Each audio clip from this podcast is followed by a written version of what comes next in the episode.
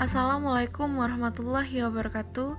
Perkenalkan, nama saya Mareta Anggun Triantika dari jurusan Ilmu Komunikasi kelas A Kampus Palembang. Pada mata kuliah Teknologi Komunikasi kali ini, saya akan menjelaskan mengenai dampak teknologi komunikasi. Apa sih itu dampak? Dampak merupakan suatu benturan atau pengaruh kuat yang mendatangkan akibat baik positif maupun negatif.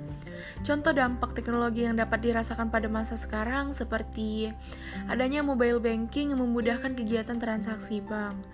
Zaman dulu, sebelum adanya mobile banking, orang-orang harus mengantri di bank ataupun ATM untuk melakukan transaksi. Namun, seiring berkembangnya teknologi, sekarang melakukan transaksi bisa melalui mobile banking ada di HP masing-masing. Yang kedua, adanya aplikasi ojek online memudahkan kegiatan manusia. Pada saat dahulu, untuk menggunakan jasa ojek, orang-orang harus mencari pangkalan ojek. Namun, seiring berkembangnya teknologi, orang-orang hanya perlu mengunduh aplikasi ojek online untuk menggunakan jasa ojek. Teknologi dengan segala kelebihannya membawa dampak yang menguntungkan dalam aspek kehidupan manusia. Namun, aspek kemanusiaan yang ada di diri manusia semakin lama semakin memudar. Dampak akibat benturan perkembangan teknologi modern pada manusia ataupun kehidupan sosialnya. Nah, saya akan menjelaskan mengenai teknologi syarat nilai. Yang pertama, tidak ada negara yang kuasa menahan laju teknologi.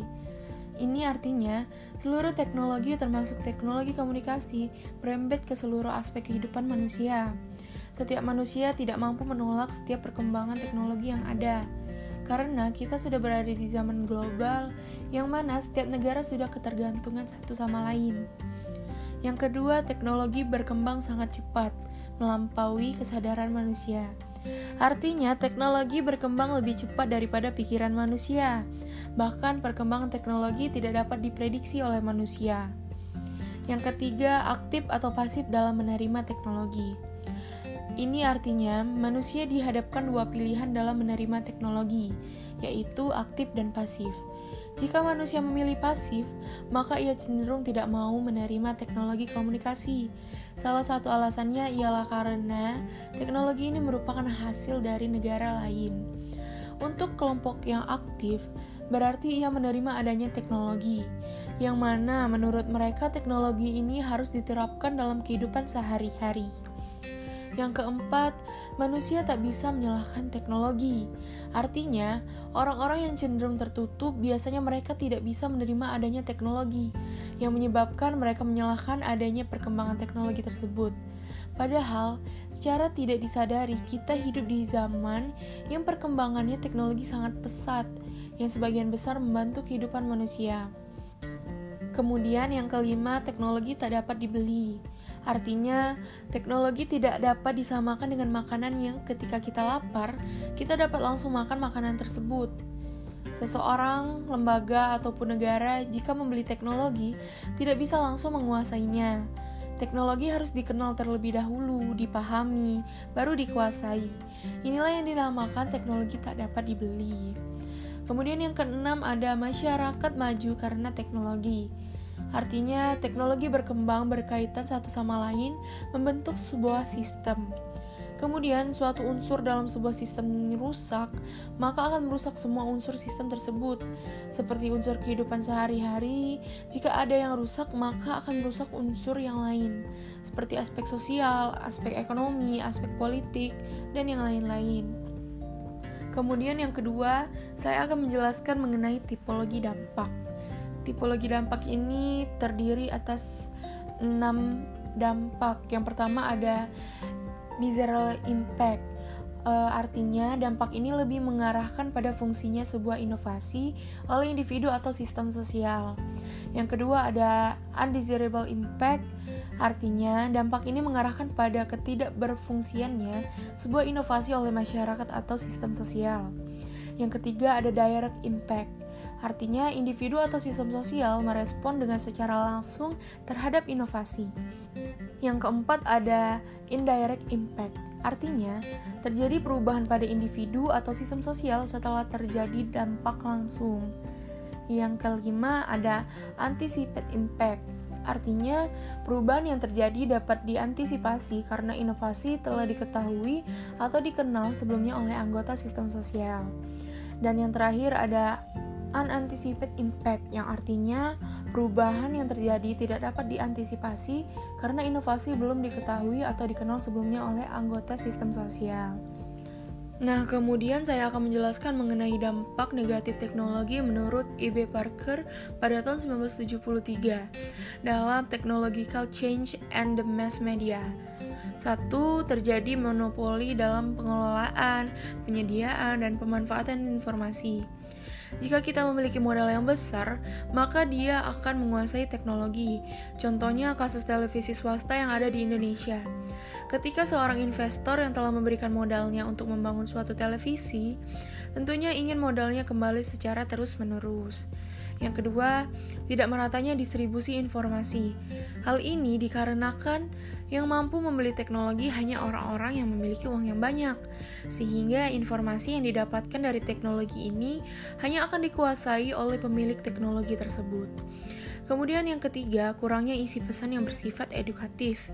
Contohnya, teknologi yang ada di pertelevisian Indonesia.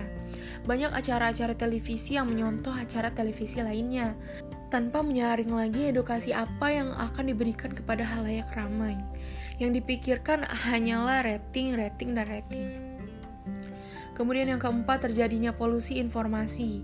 Hal ini timbul apabila yang pertama, kompetisi ketat dalam memperebutkan perhatian halayak. Yang kedua, tidak adanya mekanisme pengandalian efektif yang dapat mencegahnya. Kemudian yang kelima, terjadinya inovasi terhadap privasi. Banyak persoalan pribadi yang diungkap diungkapkan ke publik. Contohnya kehidupan artis yang sering diberitakan di acara-acara gosip. Yang keenam atau yang terakhir, timbulnya permasalahan yang berkaitan dengan hak cipta. Banyak foto-foto tersebar di sosial media, juga rekaman-rekaman yang disebarkan tanpa memikirkan hak ciptanya. Kemudian, berdasarkan poin-poin hak cipta di atas, dapat dikatakan bahwa yang pertama, teknologi komunikasi pendorong pelanggaran hak cipta. Yang kedua, perlu dorongan dari pemerintah atau hukum tentang hak cipta. Yang ketiga, kurangnya apresiasi terhadap karya intelektual seseorang. Kemudian saya akan menjelaskan mengenai berbagai dampak teknologi dari teknologi komunikasi. Yang pertama ada dampak sosial. Nah, dampak sosial ini juga banyak dampak-dampaknya. Saya akan menjelaskan yang pertama ada teknologi mengatasi ruang dan waktu. Artinya, pada zaman dahulu, jika kita ingin bertemu antar manusia yang dipisahkan ruang, seperti berbeda pulau, berbeda negara, maka harus ada waktu, tenaga, biaya yang harus dikorbankan. Kemudian contoh selanjutnya ialah ketika orang yang berbeda gedung ketika mereka ingin saling menyapa, mereka harus berteriak agar dapat bertegur sapa. Namun seiring berkembangnya zaman, teknologi dapat mengatasi ruang dan waktu. Setiap orang dapat berkomunikasi di mana saja asal terjangkau dengan teknologi. Kemudian dampak yang kedua adalah manusia mulai akrab dengan benda. Kebanyakan anak-anak remaja sibuk dengan gadget mereka masing-masing, padahal mereka sedang berada dalam satu ruangan yang sama. Contohnya, seperti kita sedang nongkrong bersama teman-teman, kita lebih asik dengan gadget kita masing-masing dibandingkan mengobrol, membahas sesuatu yang kiranya dapat membuat kita satu sama lain dengan teman itu menjadi lebih dekat. Kemudian dampak sosial yang ketiga adalah ketergantungan tinggi pada teknologi. Artinya, saling ketergantungan antara manusia mulai turun atau memudar. Hal ini terjadi karena dampak teknologi komunikasi, manusia mulai menggantungkan hidupnya dengan teknologi. Seperti halnya jika kita sakit, kita hanya perlu membuka Google untuk melihat obat apa yang perlu kita minum, yang perlu kita makan tanpa tanpa kita harus pergi berobat ke rumah sakit. Kemudian dampak teknologi komunikasi yang kedua ialah dampak sosial budaya. Nah, menurut dampak sosial budaya yang pertama ialah budaya seragam. Artinya, perkembangan teknologi menyebabkan mudahnya pertukaran budaya, seperti cara berpakaian. Kita mudah mencontoh cara berpakaian gaya kebarat-baratan, seperti uh, berpakaian yang sedikit terbuka, yang justru secara tidak langsung kita telah melakukan pertukaran budaya, uh, budaya cara berpakaian, yang mana budaya berpakaian orang Timur atau uh, di Indonesia khususnya adalah pakaian yang tertutup. Uh, kemudian karena adanya budaya Barat, maka orang-orang Indonesia melakukan pertukaran budaya tersebut dengan mengikuti gaya berpakaian orang Barat. Yang kedua, dampak sosial budayanya ialah imperialisme budaya. Artinya terpengaruhnya budaya yang global seperti budaya K-pop yang menyerang remaja Indonesia. Yang ketiga, lunturnya cinta budaya sendiri.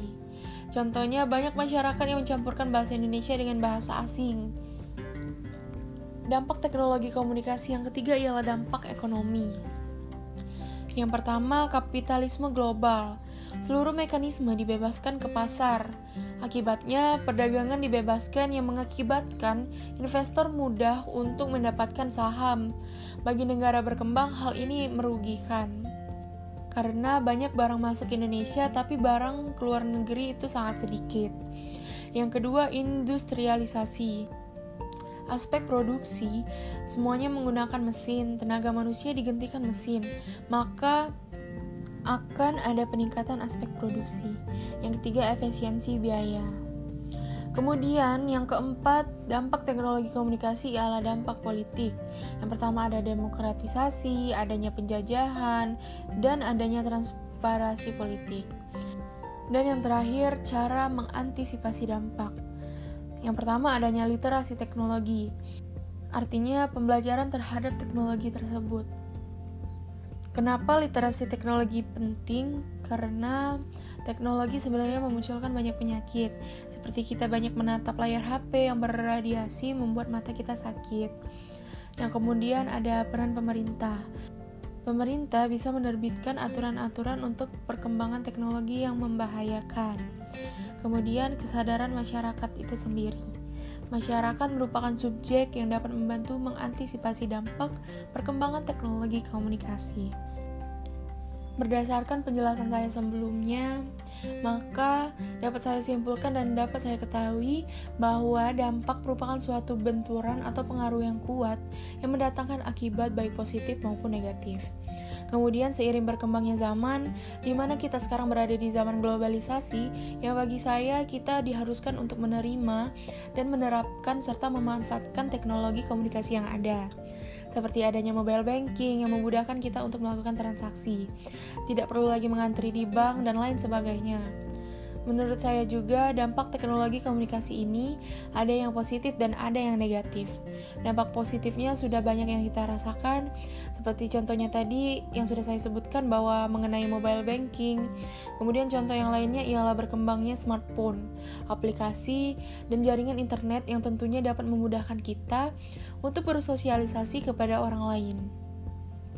Dahulu sebelum adanya aplikasi obrolan, seseorang harus mengirimkan surat untuk bertukar kabar dengan orang yang berada di daerah yang berbeda. Namun setelah berkembangnya zaman, ada teknologi yang memudahkan sesama manusia yang ingin bertukar pesan. Seperti aplikasi WhatsApp, bukan hanya sekedar bertukar pesan, di aplikasi ini juga kita dapat melakukan video call, yang merupakan salah satu fitur aplikasi tersebut untuk bertatap muka secara virtual, tanpa harus bertemu secara langsung. Namun, setiap dampak juga pasti ada yang negatif. Tentunya, hal ini berdampak pada pekerjaan manusia yang semakin berkurang. Maka dari itu, manusia juga harus menambah keterampilan, soft skill, untuk bisa menguasai minimal memahami teknologi komunikasi yang berkembang pada zaman sekarang. Sehingga kita tidak merasakan ketertinggalan zaman yang menyebabkan kita mampu menyeimbangkan antara teknologi yang berkembang dan kehidupan kita sehari-hari. Nah, itu saja penjelasan saya mengenai dampak teknologi komunikasi. Terima kasih bagi yang telah mendengarkan podcast saya pada kali ini. Sampai bertemu lagi di podcast saya selanjutnya. Terima kasih. Wassalamualaikum warahmatullahi wabarakatuh.